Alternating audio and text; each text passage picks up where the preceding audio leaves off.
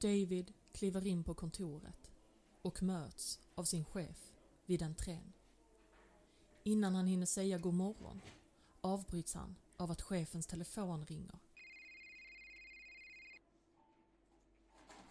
Inte nu igen, säger chefen och skriver några anteckningar i sin kalender. När han har lagt på vänder han sig mot David och säger Rensa din kalender. Du behöver följa med mig idag. De hoppar in i bilen och ger sig av direkt. När de kommer fram till platsen ser de ett flygplansvrak och mängder av räddningspersonal. David tar några bilder till tidningen han jobbar för och uppmärksammar att flygplansmodellen är densamma som ett annat plan som kraschade för bara några månader sedan. Det han inte visste vid det laget var att olyckorna involverade båda två Boeings passagerarflygplan av modellen 737 MAX 8 och tycks ha gått till på liknande sätt. Flygplanens mjukvarusystem, MCAS, verkar i båda fallen ha felaktigt uppfattat att flygplanet har stigit och därför beordrat det att istället dyka utan att piloterna har kunnat ta över styrningen manuellt. På ljudupptagningar från en av flygkrascherna hörs piloterna desperat bläddra och felsöka i flygplanets manualer innan de träffar marken, som dödade alla 189 ombord. Även flygkraschen i Etiopien, där David nu står, dödades alla 157 ombord, inklusive fyra svenskar.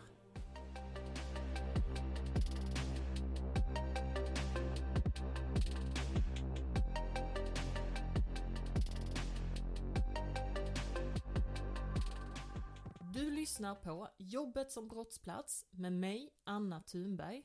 I den här podden pratar vi om brott som sker på arbetsplatser och i dagens avsnitt fokuserar vi på händelser som är många människors största skräck. Känsliga lyssnare varnas.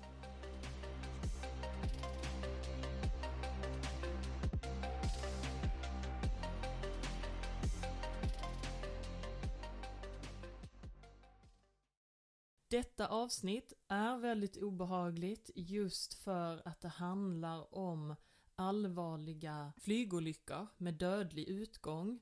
Som ni säkert vet så är det ju haverikommissionen som utreder situationer där det har varit en incident eller en olycka med flygplan. Och eh, jag har läst hela den här haveriutredningen för en av de här krascherna och det är den i Etiopien.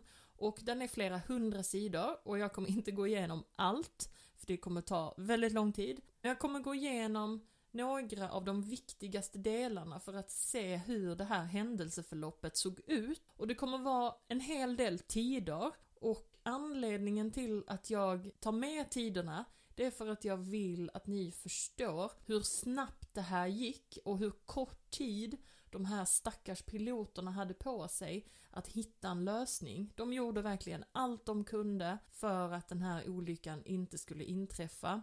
Och varför det inträffar kommer jag till i slutet av avsnittet. Så häng med nu!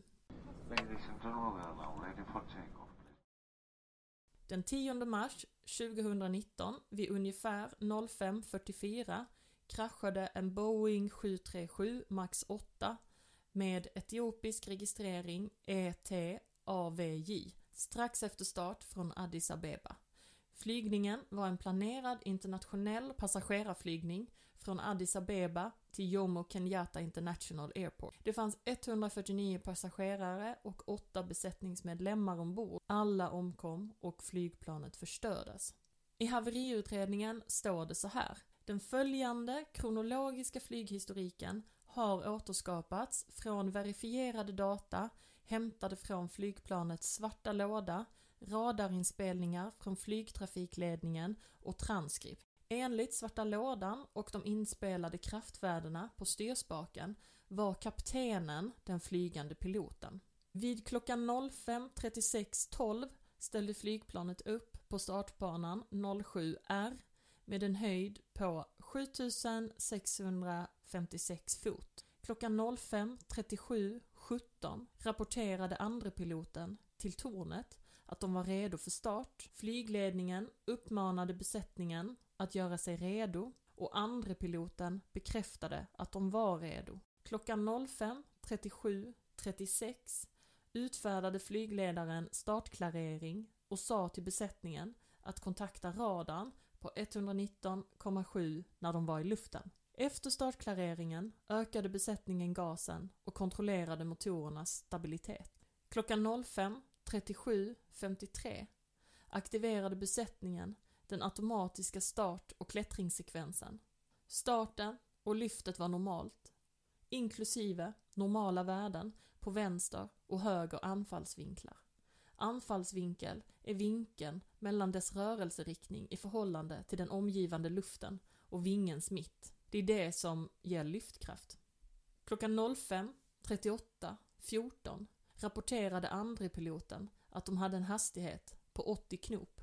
När rotationshastigheten nåddes vid 05.38.34 rapporterade andre piloten “Rotate” och flygplanet lyfte. Klockan 05.38.44 strax efter lyftet började de registrerade anfallsvinkelvärdena på vänster och höger sida att avvika.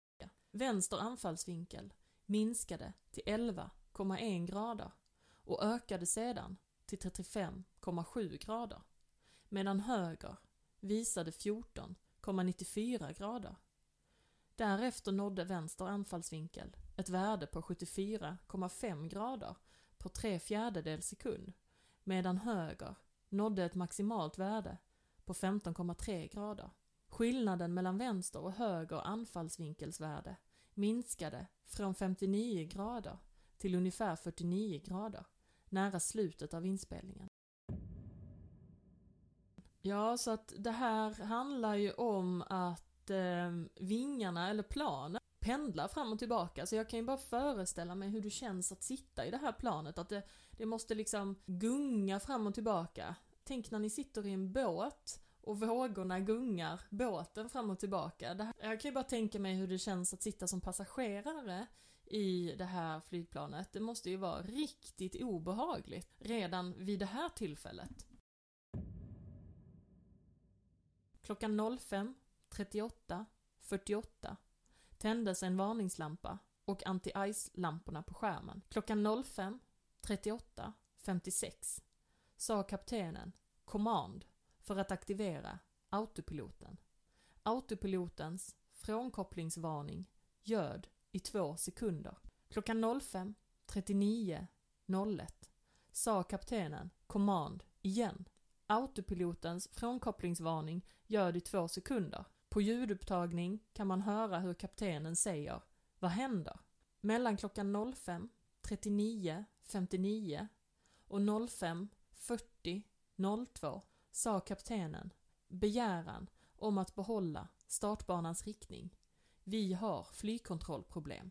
Under tiden så kan man se hur klaffarna, alltså de här små delarna som sitter på vingarna, jag vet inte om ni har tänkt på det när ni flyger, om ni har suttit i vingen någonstans, så kan man ju se att det finns såna här små eh, skivor som åker ut eh, och som fälls in sen när man kommer upp i luften. Det är det som är klaffarna. När de här klaffarna är uppfällda så kopplas det på ett första automatisk nossänkning och det är nossänkningen som kallas för MCAS.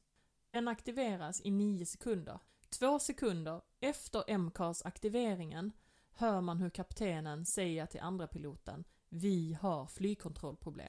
Samtidigt visades en röd och svart rand längs hela hastighetsmätaren.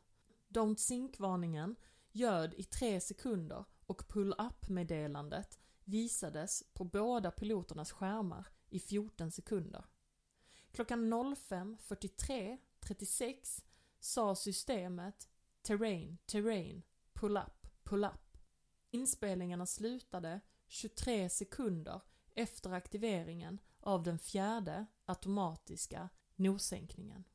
Vid slutet av inspelningen var de beräknade hastighetsvärdena 500 knop, pitchvärden, alltså lutningen kan man säga, på flygplanet var större än 40 grader nos neråt.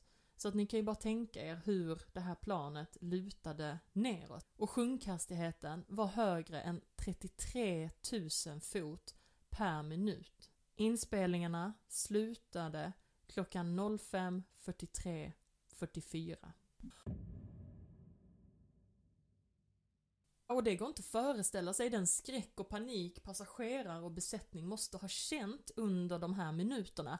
Alltså det är så kort tid och det händer så mycket under denna tiden och det måste ju verkligen ha varit fruktansvärt att sitta i det här flygplanet och inte veta vad som händer. Varken piloterna som är erfarna och har utbildning kunde ju hitta lösningen på det här. För att få en bättre bild av hur flygningen såg ut så har jag laddat upp en datagjord video på Patreon som visar flygningen från start till kraschen. Och då kan man också se hur den här pendlingen eller hur flygplanet vickar i luften och även hur lutningen ser ut när de störtar mot marken. Som medlem på Patreon får du tillgång till annonsfria avsnitt, extra material och olika verktyg. Du hittar sidan på www.patreon.com snedstreck Anna Thunberg eller i avsnittsbeskrivningen. Innan vi går vidare till varför det här inträffade så ska vi titta lite på kaptenen. Den ansvariga piloten var 29 år gammal vid händelsen.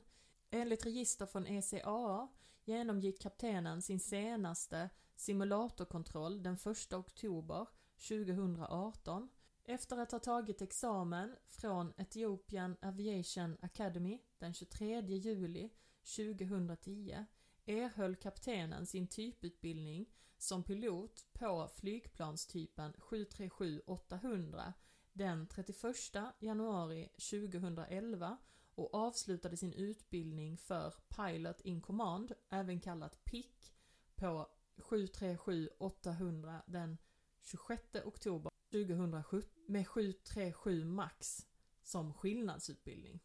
Och till skillnad från att ta körkort, då man får köra alla olika bilmodeller, så gäller det inom flygningen att man utbildar sig och får licens för just den typen man ska flyga. Just för att de är lite olika.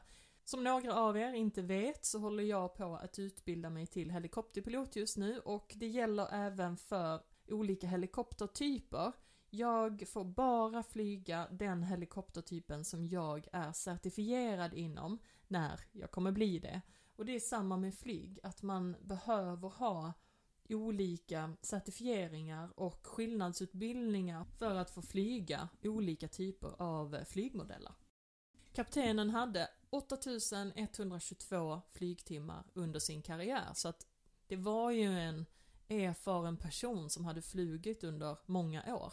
Och i varje flyg så ska det finnas en loggbok och i det här fallet så tittade man väldigt noga på loggboken. Man tittade på de 39 senaste flygningarna och kunde då konstatera att kaptenens cockpituttag för PC hade ingen ström, besättningens syrebehållare ersattes på grund av lågtryck och reservkraftsaggregatet startade inte.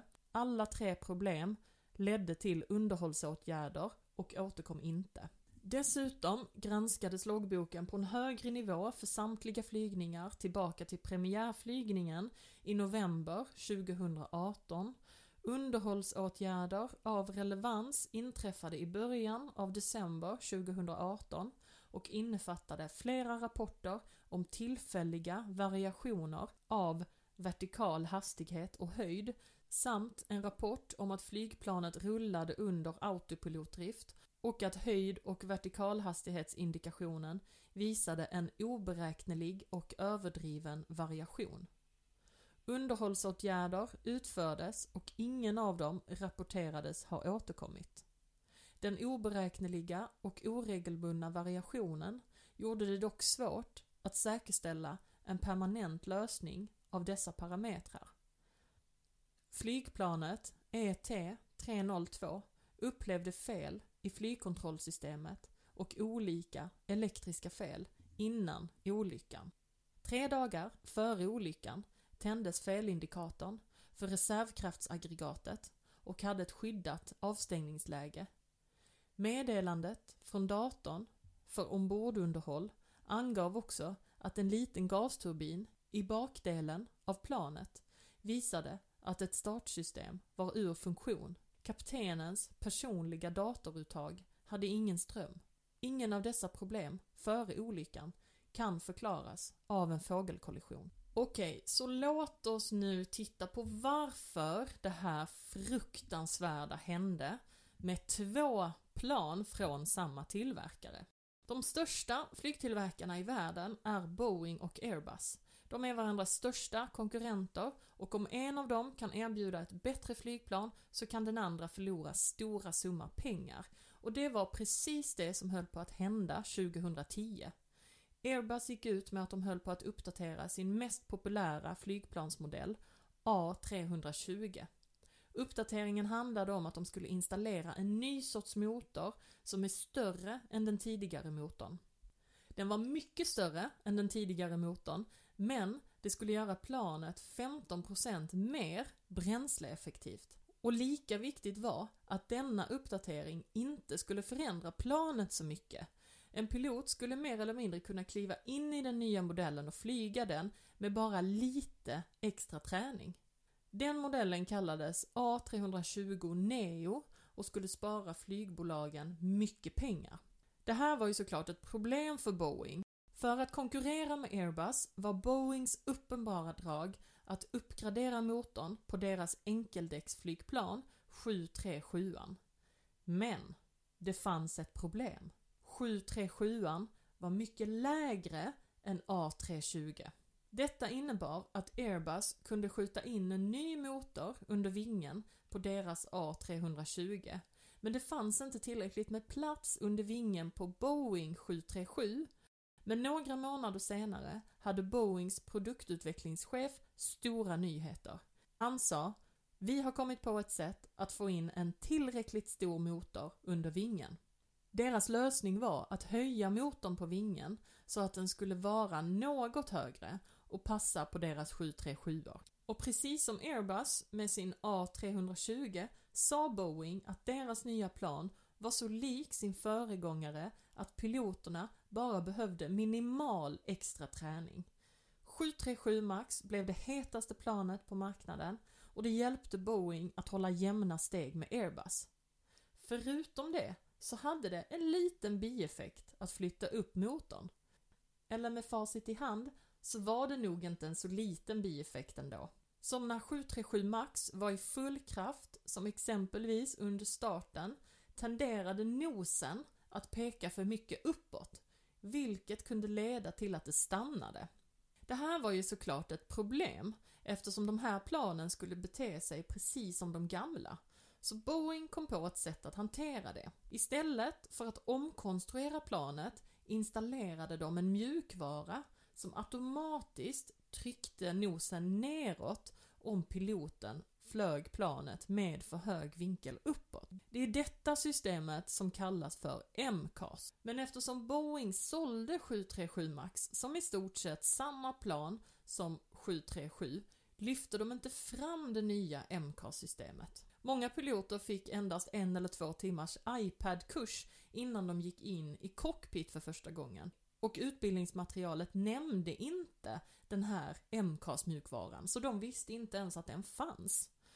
2018 kom det flera klagomål från amerikanska piloter till regeringen om att 737 Max hade en nos som plötsligt pekade neråt. Det var någonting som inte togs på allvar. Den 29 oktober 2018 lyfte Lion Air flight 610 från Jakarta. I flygrapporten som visar planets höjd över tid kan man se att planet var i full kraft under starten. Men vid ett visst tillfälle fortsatte planet att nosa neråt. Piloterna kunde inte förstå varför detta hände och kaptenen bad andre piloten att kolla i handboken. Men de kunde inte hitta lösningen. Piloterna fortsatte att kämpa med MCAS och planet hade svårt att öka i höjd. Rapporter visar att det troligen berodde på att datorn fick felaktig data vilket pressade planet mot marken. 12 minuter efter start kraschade planet i Javasjön. I Etiopien-kraschen visar rapporten att piloterna faktiskt kunde inaktivera MCAS, men att det var för sent. De hade alltså alldeles för lite tid på sig att göra detta. Efter olyckorna togs 737 Max ur bruk och Boeings lösning för att kunna flyga planen igen var att tillämpa en mjukvaruuppdatering och göra MCAS mindre aggressivt samtidigt som de kommer öka pilotutbildningen om hur man stänger av det. Det här problemet började med ett företags önskan för att konkurrera med sin rival. Det fick dem att låtsas som att deras nya plan betedde sig precis som deras gamla, även när de visste att det inte gjorde det. Det har gått nästan fem år sedan Ethiopian Airlines flight ET 302 kraschade bara några minuter efter start från Addis Abeba till Nairobi. 157 personer dog när planet störtade ner på en åker utanför den etiopiska huvudstaden i mars 2019. Olyckan involverade ett nytt designat flygplan, 737 Max. Bara några månader tidigare hade ett nästan identiskt flygplan kraschat i Javasjön på vad som skulle ha varit en rutinflygning. 189 passagerare och besättningsmedlemmar förlorade sina liv. Det framkom senare att båda olyckorna utlöstes av designbrister, speciellt användningen av mjukvaran som kallas för MCAS. Systemet var utformat för att hjälpa piloter som var bekanta med tidigare generationer av 737 och förhindra dem från att behöva kostsam extrautbildning för att flyga den nya modellen. Men sensorfel fick det att fungera felaktigt och i båda fallen tvingade det flygplanet göra en katastrofal dykning som piloterna inte kunde förhindra. Utredningar avslöjade att Boeing inte hade inkluderat information om MCAR-systemet i pilotmanualer eller i utbildningsmaterial och medvetet försökt att förminska systemets påverkan i sin kommunikation med den amerikanska regleringsmyndigheten Federal Aviation Administration, FAA. Boeing 737 Max-flygplan fick klartecken att flyga igen i USA år 2020 och i Storbritannien och EU år 2021. I januari 2021 åtalades Boeing för bedrägeri men företaget lyckades undvika att gå till rättegång genom att gå med på att betala 2,5 miljarder dollar inklusive 500 miljoner dollar till familjerna till de som dog och lova att skärpa sina efterlevnadsprocedurer. Om företaget följer villkoren i avtalet har justitiedepartementet gått med på att avskriva åtalspunkten efter tre år. Denna uppgörelse, känd som ett avtal om uppskjuten åtal, väckte intensiv ilska bland flera av de anhöriga till de som dog ombord. Det råder ingen tvekan om att för familjerna är själva rättegången en betydande milstolpe, men det är ingenting som de ännu har fått.